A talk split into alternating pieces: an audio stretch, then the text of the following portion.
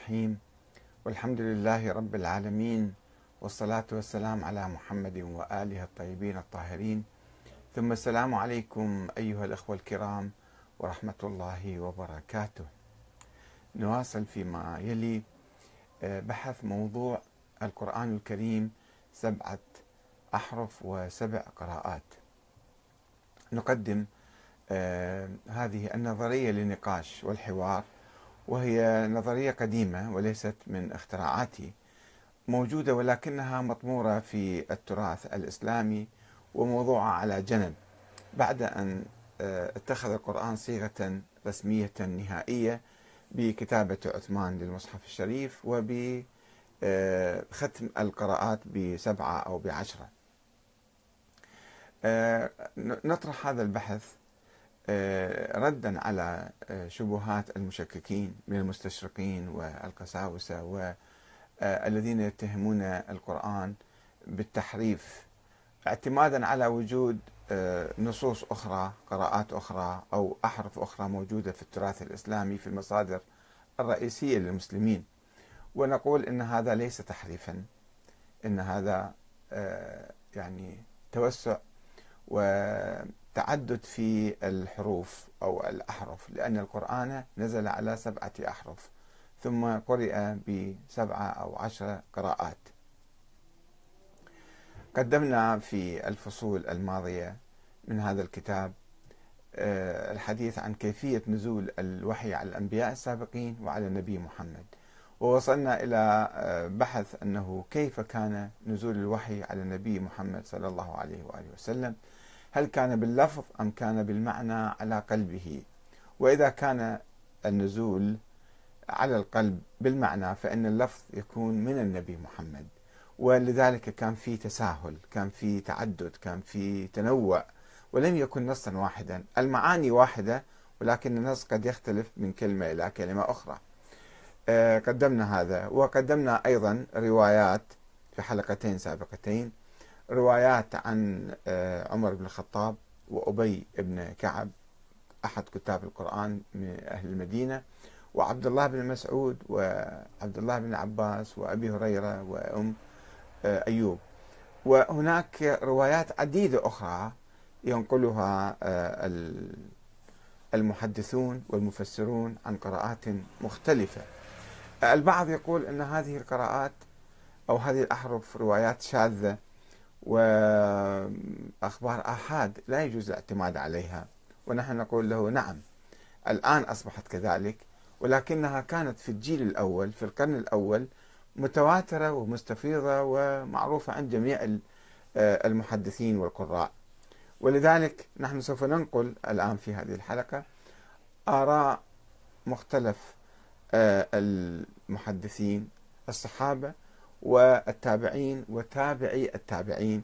لنرى أن هذه النظرية كانت مشهورة عندهم ولا كانت نظرية خبر آحاد ضعيف جدا. دقائق ونكون معكم إن شاء الله.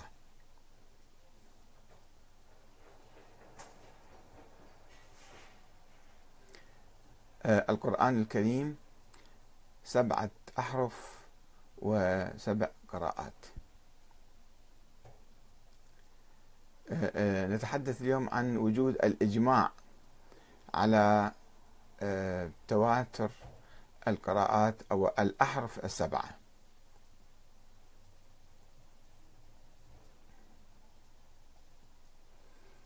القرآن الكريم سبعة أحرف وسبع قراءات نظرية مطروحة للنقاش وأنا أطلب من جميع المختصين والأخوة المؤمنين المهتمين برد الشبهات عن القرآن بأن ينظروا في هذه النظرية.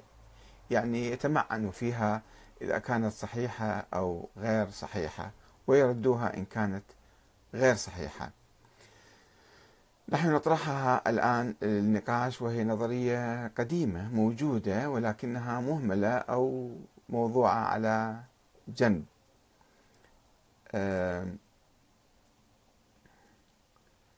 إذا نقول بأن كان هناك إجماع على وجود الأحرف السبعة للقرآن الكريم.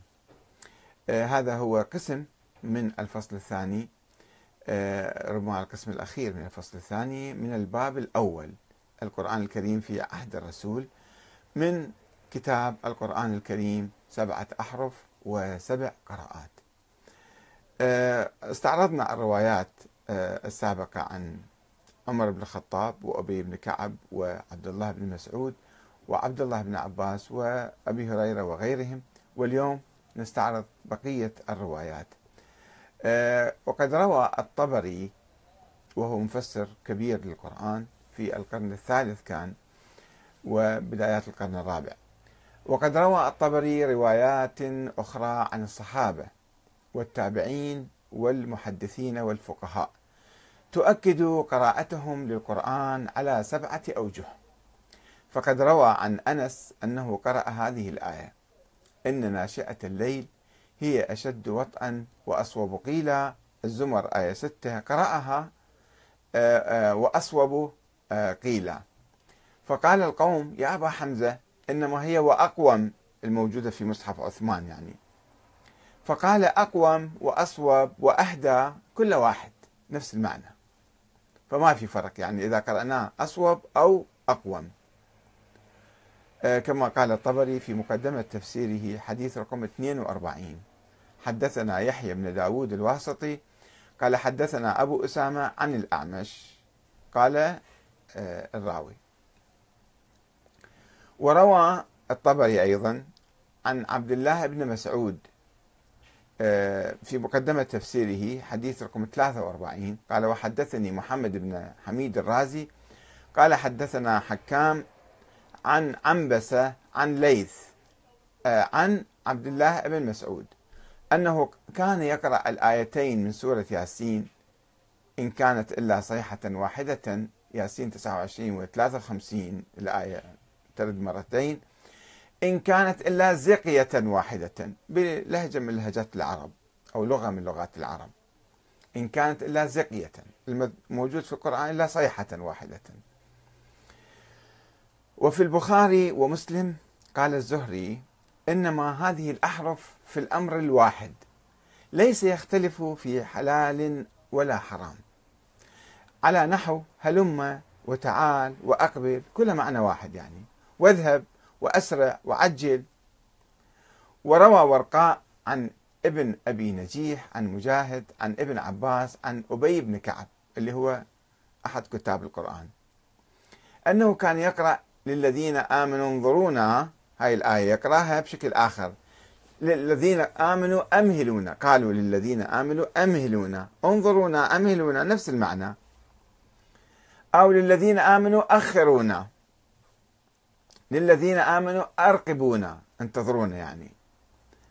وبهذا الإسناد عن أبي أنه كان يقرأ كلما أضاء لهم مشوا فيه هاي الآية يقرأها كلما أضاء لهم مروا فيه أو سعوا فيه.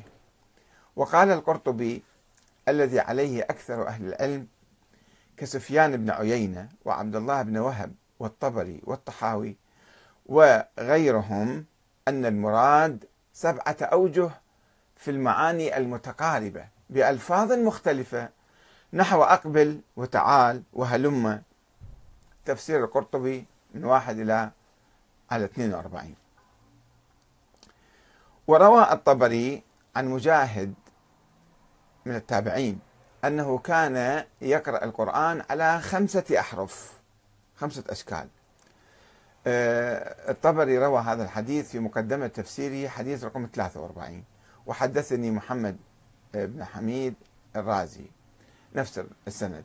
وأن سعيد بن جبير كان يقرأ القرآن على حرفين. سعيد الذي قتله الحجاج.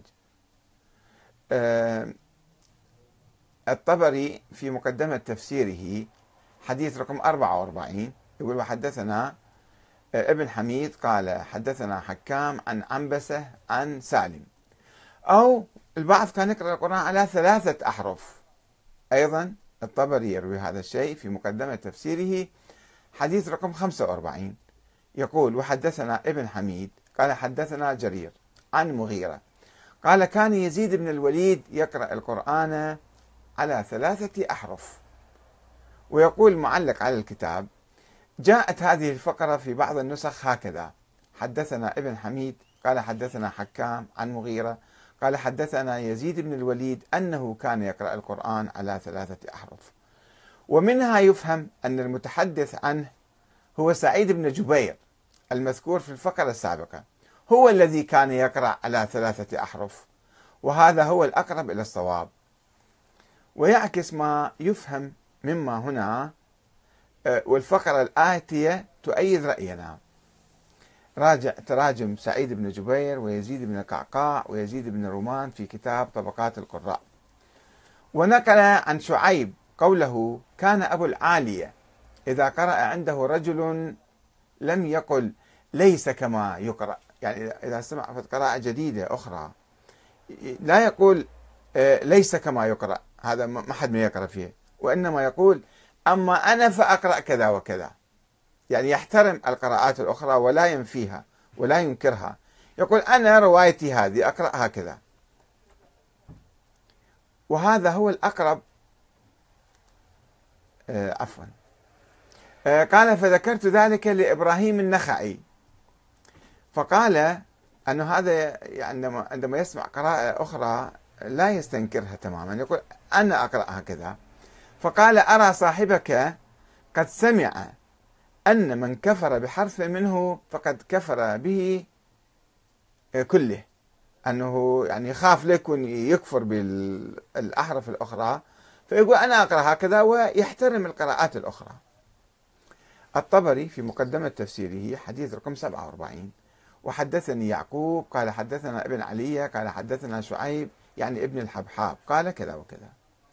فإذا نشوف من كل هالروايات هذا ما يؤكد احترام الصحابة والتابعين وتابعيهم للتعدد في قراءة القرآن على سبعة أحرف. هم كانوا يقرون وكانوا يحترمون القراءات الأخرى.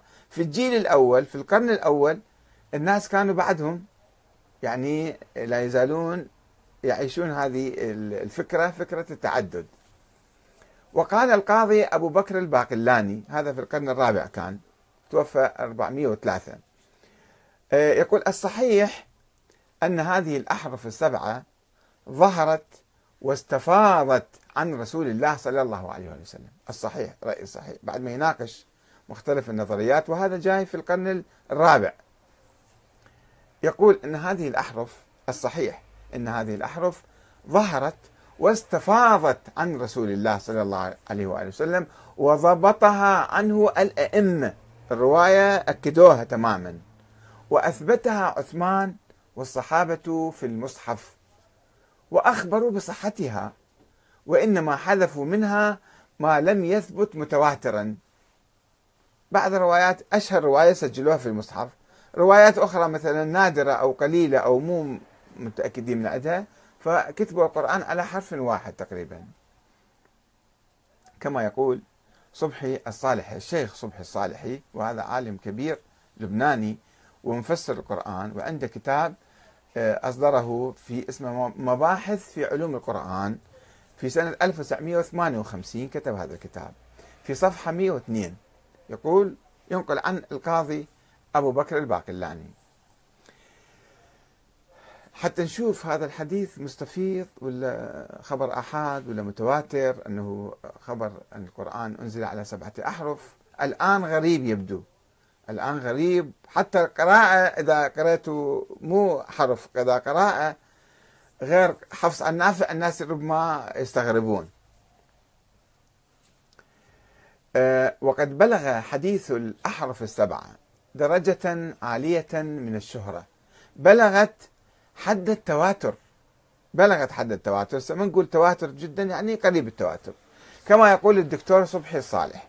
يقول يبدو أن حديث نزول القرآن على سبعة أحرف مروي عن جمع كبير من الصحابة. يتعذر إحصاؤه.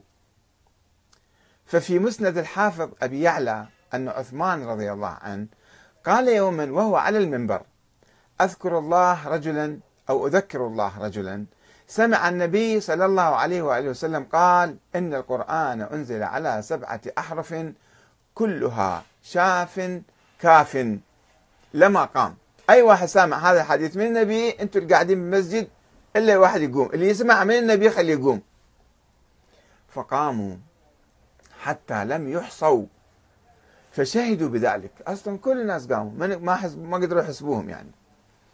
فقال عثمان رضي الله عنه وأنا أشهد معهم أني أنا سمعت من النبي هذا الحديث. يعني كل المسلمين كانوا يعرفون هذا الحديث. كما يقول آه، الشيخ صبحي الصالح في كتاب مباحث في علوم القرآن صفحة 101 وينقل أيضا عن الإتقان للسيوطي. الجزء الأول صفحة 78 ورواه شوفوا الكتب والمؤلفين والمفسرين في التاريخ الإسلامي كيف رووا هذا الحديث. رواه ابن قتيبة في تأويل مشكل القرآن. عنده كتاب اسمه تأويل مشكل القرآن. هذا من القرن الثالث بداية القرن الثالث كان. صفحة 29 وأخرجه بهذا اللفظ نزل القرآن على سبعة أحرف كلها, كلها شاف كاف. فاقرأوا كيف شئتم. أخرج هذا الحديث كل من أحمد الإمام أحمد بن حنبل في المسند الجزء الثاني صفحة 300 والهيثمي في مجمع الزوائد جزء 7 على 151 والسيوطي في الدر المنثور 6 على 2 والخطيب البغدادي في تاريخ بغداد 11 على 26 والربيع بن حبيب في مسنده 1 على 8 وابن أبي شيبة من القرن الثاني الهجري أواخر القرن الثاني في مصنفه 10 جزء 10 على 516 والألباني في السلسلة الصحيحة ألباني معاصر هذا قبل كم سنة توفى.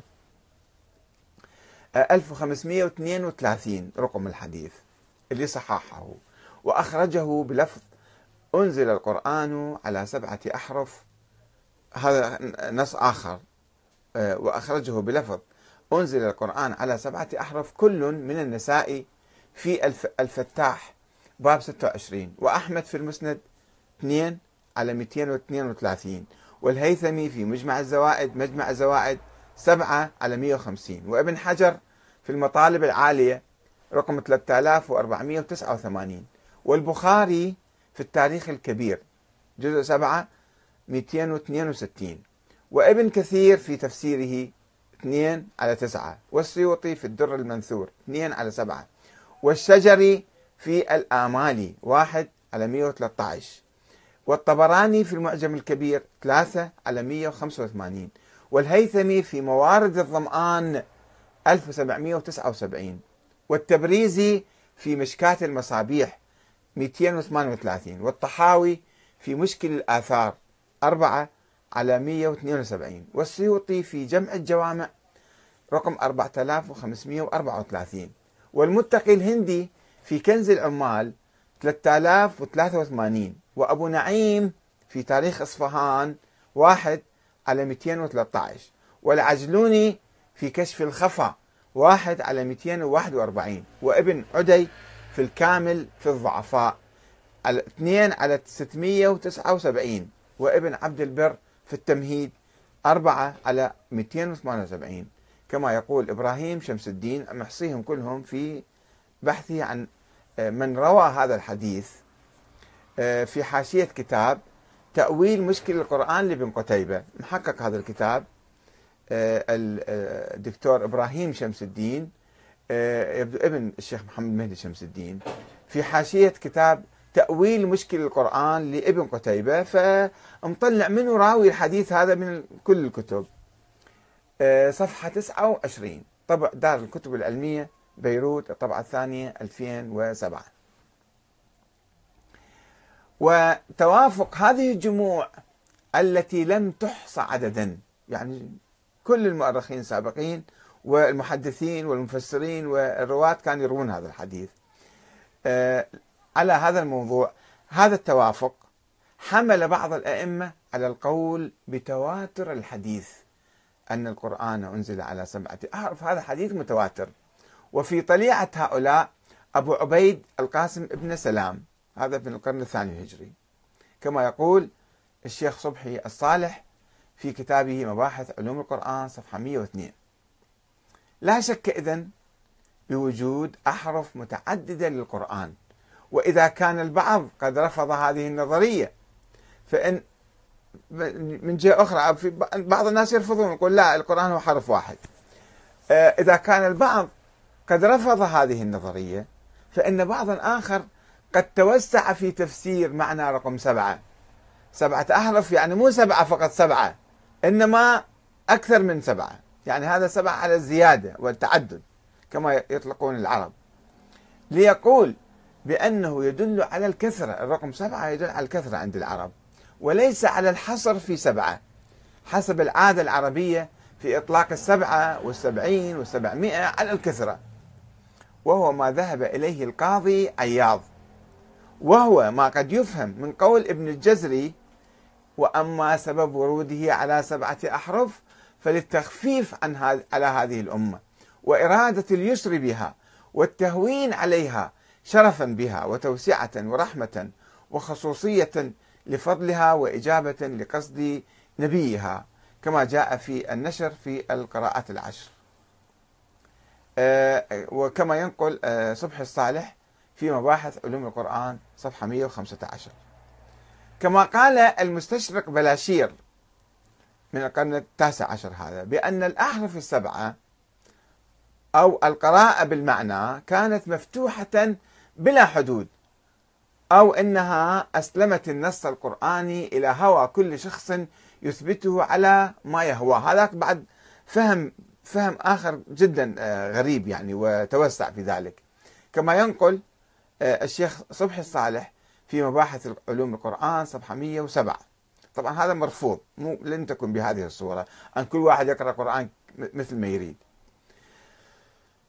وربما يفهم أيضا من قول النبي لعمر يا عمر إن القرآن كله. كله صواب. ما لم تجعل رحمة عذابا أو عذابا رحمة. كما ينقل هذا الحديث الطبري في مقدمة التفسير حديث رقم 14 والإمام أحمد في المسند جزء 5 رقم 16366 يفهم من حديث النبي لعمر أن الأمر موكول للناس. لكي يقرأوا القرآن كما يشاءون ولا أو أو على الأقل أن ذلك موكول إلى النبي إذا مو للناس. كما يفهم من حديث أبي أن الملكين أتياني قرأناه فيما سبق. فقال أحدهما اقرأ القرآن على حرف. وقال الآخر زده. قال فقلت زدني. قال اقرأه على حرفين حتى بلغ سبعة أحرف. فقال اقرأ على سبعة أحرف. الطبري في مقدمة التفسير حديث رقم 21 وأحمد في المسند جزء 8 حديث رقم 21 و210 إلا أن الحديث الذي يقول أنزل القرآن على سبعة أحرف يدل على نزوله بالنص على سبعة أحرف مو بالمعنى. ولا يحق لأي إنسان أن يقرأه كما يشتهي على هواه بالمعنى. وقد أنكر ابن الجزري في النشر عنده كتاب اسمه النشر في القراءات العشر آه، في القرن الرابع هذا كان آه، أنكر ابن الجزري آه، في كتابه النشر القراءة بالمعنى. قال له هذا ما يصير واحد يقرأ القرآن بالمعنى يقرأ مثل ما يريد هو. أما من يقول فقال أما من يقول بأن بعض الصحابة كابن مسعود كان يجيز القراءة بالمعنى فقد كذب عليه. إنما قال ابن مسعود إنما قال نظرت القراء فوجدتهم متقاربين ذول المختلفين في الأحرف وجدتهم متقاربين فاقرأوا كما علمتم. ما قال اقرب كيفكم بس بالمعنى يعني كل واحد يقرأ القرآن كما يريد. انظر محاسن التأويل للقاسمي من واحد إلى 290 وانظر مناهل العرفان في علوم القرآن لمحمد عبد العظيم الزرقاني جزء واحد صفحة 148 إلى 160 ففيه يعرض لآراء هؤلاء العلماء الكبار الثلاثة ابن قتيبة وأبي الخير ابن الجزري والقاضي أبي بكر بن الطيب الباقلاني. ثم يقارنها برأي أبي الفضل الرازي ويرجحه ويختاره وابن الجزري أيضا في النشر في القراءات العشر جزء واحد صفحة 26 إلى 28 يفضل رأيه ثم رأي أبي الفضل الرازي وابن قتيبة. وعنه أخذ الزرقاني من غير عزو إليه. ما قال بس جاب الرأي هذا. كما يقول آه، الشيخ صبحي الصالح آه، في مباحث علوم القرآن هامش صفحة 116 آه، ورفض السيوطي في القرن العاشر هذا كان السيوطي التوسع في قراءة القرآن بالمعنى. في كتابه الإتقان في علوم القرآن. جزء واحد صفحة 212 كما يقول أيضا الصبحي الصالح آه، في مباحث علوم القرآن صفحة 103 و104 كما رفض الدكتور صبحي الصالح هذا الرأي هو نفسه نقل آراء الناس الرافضين وأيضا هو رفض هذا الرأي بشدة أن أحد يقرأ القرآن بالمعنى فقط. واتهم الذين يذهبون إليه بعدم المبالاة في النصوص بالنصوص وإخراجها عن ظاهرها وبالتسرع في الرأي. وقال قد أخطأ من ظن أن النبي كان يضفي الشرعية القرآنية يعني على كل من ينقل القرآن بالمعنى ويقرأه كما يشاء كيفما يشاء. إذ هناك فرق كبير بين نزول القرآن على سبعة أحرف وبين السماح لكل إنسان بأن يقرأ القرآن على هواه. الشيخ صبحي الصالح في كتابه مباحث علوم القرآن مباحث في علوم القرآن صفحة 115 طيب الآن شفنا إحنا يعني في ناس توسعوا بالأحرف السبعة أنه يقرؤون القرآن أو يجيزون قراءة القرآن بالمعنى. ولكن معظم العلماء رفضوا هذا الشيء. الآن يجي سؤال. إذا إذا كان النص مو واحد ومو يعني مصبوب صب حرفيا فإذا ماذا يعني أن نحن نزلنا ذكر وأن له لحافظون؟ فهذا ما راح يصير حفظ راح يصير في نوع من يعني تغيير أو التوسع أو المرونة أو التعدد. فكيف نفهم هاي الآية وكيف نطبقها؟ هنا أيضا بعض العلماء آه، بحثوا في موضوع الذكر. أن الذكر ماذا يعني؟ الذكر يعني حروف الكتاب ولا الذكر المضمون القرآن؟ إن نحن نزلنا الذكر يعني نزلنا آه، معنى القرآن وإنا له لحافظون. فكان في نقاش أيضا لطيف حتى نكمل البحث هذا نشوف أنه شنو يقول العلماء ماذا يقول العلماء في هذا المجال. فنسأل نقول ما هو الذكر الذي تعهد الله بحفظه في هذه الآية؟ إنا نحن نزلنا الذكر وإنا له لحافظون. الحجر آية تسعة. هل هو النص أم المضمون الذي يحتوي على ما يذكر الناس بالله تعالى؟ فالذكر ما هو الذكر الذي يحفظه الله؟ يقول محمد حسين الطباطبائي في كتابه تفسير الميزان. من أجمع من أجمع الأوصاف التي يذكرها القرآن لنفسه أنه ذكر لله فإنه يذكر به تعالى بما أنه آية دالة عليه حية خالدة. القرآن آية حية خالدة. ففي جميع ذلك ذكر الله. أن القرآن يذكرنا بالله. وهو الذي يرومه القرآن يعني يهدف إليه. وهو الذي يرومه القرآن بإطلاق القول بأنه ذكر. عندما يصف نفسه ذكر القرآن هو الذكر يعني هو الذي يذكر بالله. ونجد ما بأيدينا من القرآن لا يفقد شيئا من معنى الذكر حتى لو تعددت الحروف والأحرف والقراءات. بالتالي يبقى القرآن هو الذكر فهو الذكر محفوظ إذن. ولكون الذكر من أجمع الصفات في الدلالة على شؤون القرآن لكون ذلك عبر عنه بالذكر في الآيات التي أخبر فيها عن حفظه القرآن عن البطلان والتغيير والتحريف. كقوله تعالى إن الذين كفروا بالذكر لما جاءهم وإنه لكتاب عزيز لا يأتيه الباطل من بين يديه ولا من خلفه تنزيل من حكيم حميد.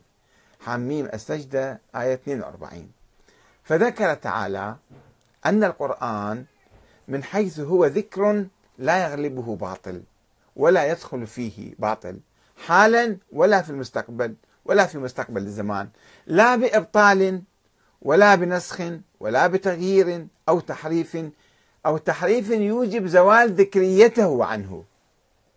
يعني بعض الحروف تغيرت مو مشكلة بس الذكر باقي. وكقوله تعالى إنا نحن نزلنا الذكر وإنا له لحافظون. الحجر آية 9 فقد أطلق الذكر وأطلق الحفظ وأطلق الحفظ. فالقرآن محفوظ بحفظ الله عن كل زيادة ونقيصة وتغيير في اللفظ أو في الترتيب يزيله عن الذكرية ويبطل كونه ذكرا لله سبحانه بوجه بأي وجه يعني كان. الطبطبائي في ميزان تفسير آية إنا نحن نزلنا الذكر. الحجر آية تسعة. هسه نجي إلى باحث مصري نشوف كيف يرى الموضوع. باحث مصري أزهري هو نهرو عبد الصبور طنطاوي. آه هذا الباحث ذهب إلى أبعد من ذلك. مو بس ال ال القرآن يعني الذكر المضمون يعني الذكر. ورفض أن تكون كلمة الذكر مرادفة للقرآن أو الكتاب. وقال باختصار شديد منا أنا أختصر كلامه.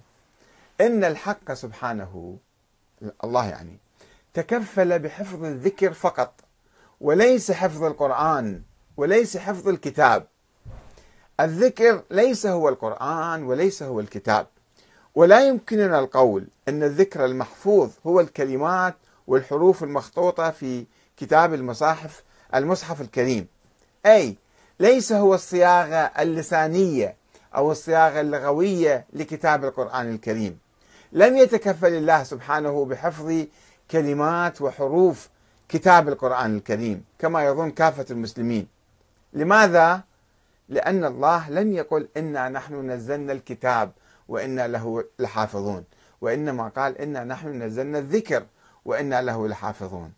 والذكر قطعا ليس هو كلمات وحروف حروف كتاب القرآن الكريم. إذ لو قلنا أن الله قد تكفل بحفظ الكتاب الذي هو كلمات وحروف القرآن الكريم لأصبح هذا الحفظ حفظا إلهيا مطلقا وفيه تحد وتعجيز لأي مخلوق ولأي شيء في هذا الكون أن يبدل فيه أو يغير حرفا واحدا سواء بالزيادة أو بالنقصان. حتى لو واحد عمد ما يقدر بعد. الله حفظه حفظ كوني يصير ولا يستطيع أي إنسان أن يكتب شيء آخر غير القرآن.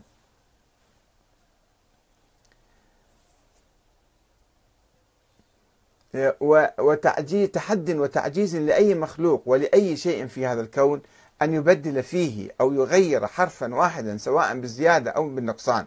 ولا انتفى حتما وقطعا وجود أي تغيير أو تبديل لا بالزيادة ولا بالنقصان في حرف واحد منه لا في داخل الكتاب ولا خارجه ولا في خارجه على الإطلاق. والقرآن الكريم له أكثر من عشرين رواية. هذا القرآن موجود عندنا عشرين رواية فيه. عشر قراءات متواترة. ورواها عشرون راويا عن أصحابها الأصليين العشرة. كل واحد من القراء كان عنده اثنين تلاميذ فصار عندنا عشرين رواية للقرآن. فإذا النص ما صار محفوظ صار النص متعدد حتى حسب القراءات مو حسب الأحرف.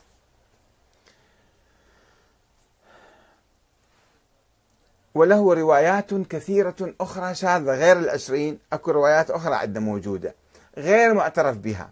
هذا آه، نهرو آه، طنطاوي يقول هذا الكلام. ثم استنتج. قال إذا الذكر ماذا يعني؟ وعليه.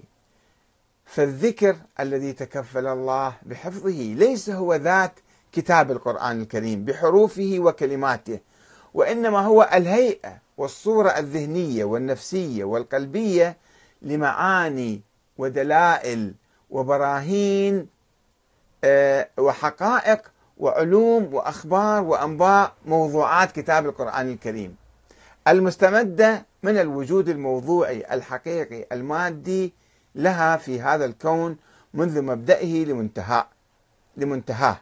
وإن حدث اختلاف أو زيادة أو نقصان أو تغيير أو تبديل في نصوص الكتاب الكريم التي هي الحروف والكلمات يكون الذكر المحفوظ الذي هو الجمع بين الهيئة والصورة الذهنية والنفسية والقلبية لمعاني ودلائل وبراهين وحقائق وعلوم وأخبار وأنباء موضوعات كتاب القرآن الكريم وبين الوجود الموضوعي الحقيقي المادي لها في هذا الكون والتي أشارت لها نصوص الكتاب الكريم هي التي تصوب الحروف والكلمات في الكتاب المخطوط الذي بين أيدينا.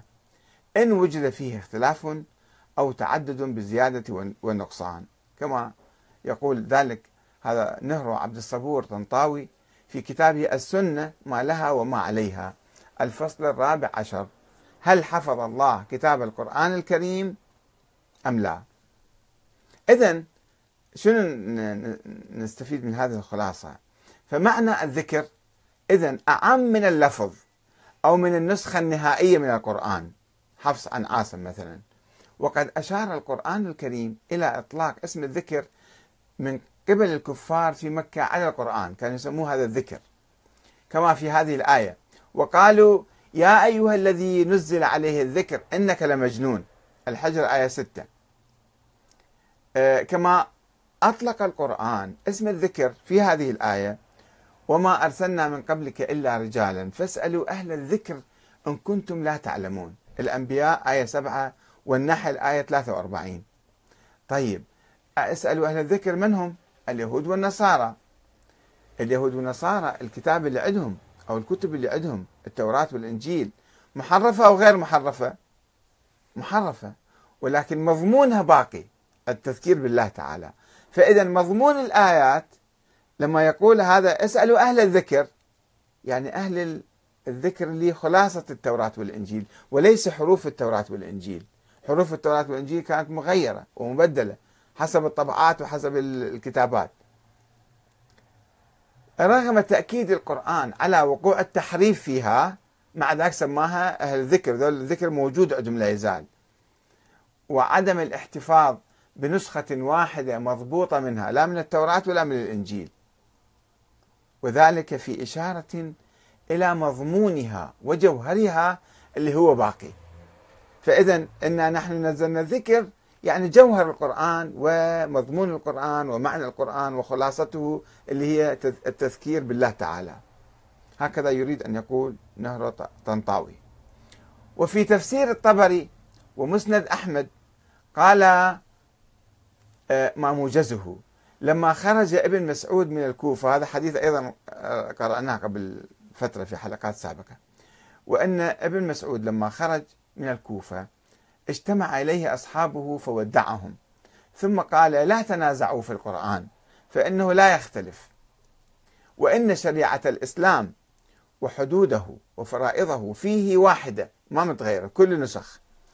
ولو كان شيء من الحرفين ينهى عن شيء يأمر به الآخر كان ذلك الاختلاف. إذا كان هالشكل يعني حرف من الحروف يقول صلوا حرف يقول لا تصلوا مثلا يعني. هذا يسموه تناقض. فهذا ما موجود بالقرآن هكذا. ولقد رأيتنا نتنازع فيه عند رسول الله صلى الله عليه وآله فيأمرنا فنقرأ عليه فيخبرنا أن كل منا محسن. كله صحيح. امشوا. ولقد قرأت من, رس من لسان رسول الله صلى الله عليه وسلم سبعين سورة وكان يعرض عليه يعرض عليه القرآن في كل رمضان وعرض عليه في عام قبض مرتين فكان إذا فرغ أقرأ عليه أنا. فيخبرني أني محسن أنت قراءتك جيدة. فمن قرأ على قراءتي فلا يدعنها رغبة عنها. أنا قراءتي مو ساقطة قراءتي محترمة يعني ومقبولة وموثوقة. ومن قرأ شيئا من هذه الحروف الأخرى فلا يدعنه أيضا لا يتركه.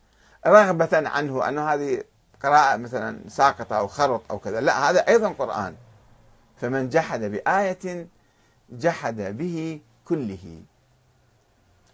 لاحظوا كيف؟ فحتى هذا عبد الله بن مسعود يقول أنا هاي قراءتي ولكن أحترم القراءات الأخرى أحترم الأحرف الأخرى.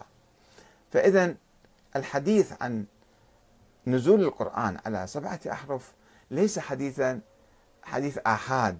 وحديث شاذ أو طاير إنما في الأجيال الأولى الصحابة والتابعين وتابعي التابعين إلى تقريبا مئة سنة أو أكثر هم كان عندهم شيء طبيعي وبديهي وكان يقرؤون القرآن ويحترمون القراءات الأخرى.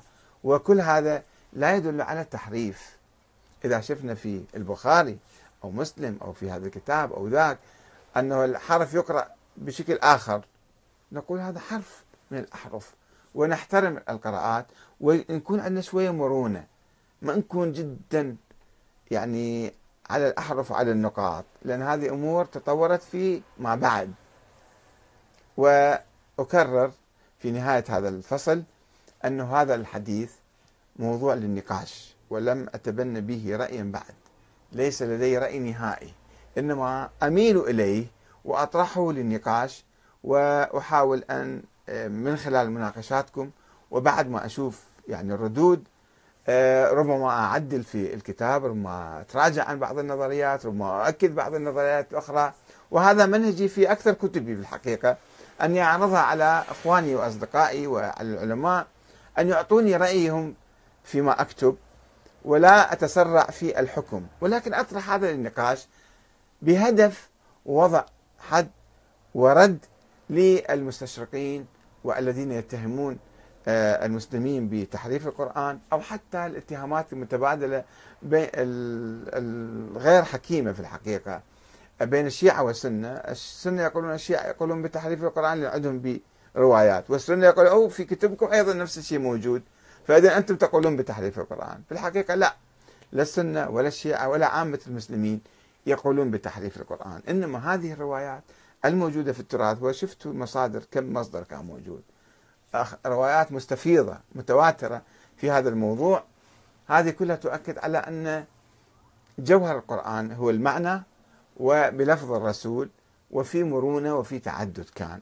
صحيح عندما قام آه، عثمان بن عفان بكتابة نسخة واحدة ورسمية فأصبحت هذه هي النسخة المعتمدة عند المسلمين حتى اليوم. ولكن لا يعني أن القراءات السابقة كانت باطلة وغير آه، صحيحة وغير شرعية. حتى في كلام بين الفقهاء أنه يجوز واحد يقرأها بالصلاة وما يجوز يقرأها بالصلاة. هذاك بحث آخر فرعي من هذا البحث. إلى هنا نكتفي بهذا القدر وإن شاء الله نبحث عملية جمع القرآن. كيف جمع ولماذا أساسا؟ لماذا أنزل القرآن على سبعة أحرف؟ الظروف الموضوعية التي اقتضت أن يكون هناك تعدد ومرونة سنتحدث عنها في الفصل أو الفصول القادمة إن شاء الله. والسلام عليكم ورحمة الله وبركاته.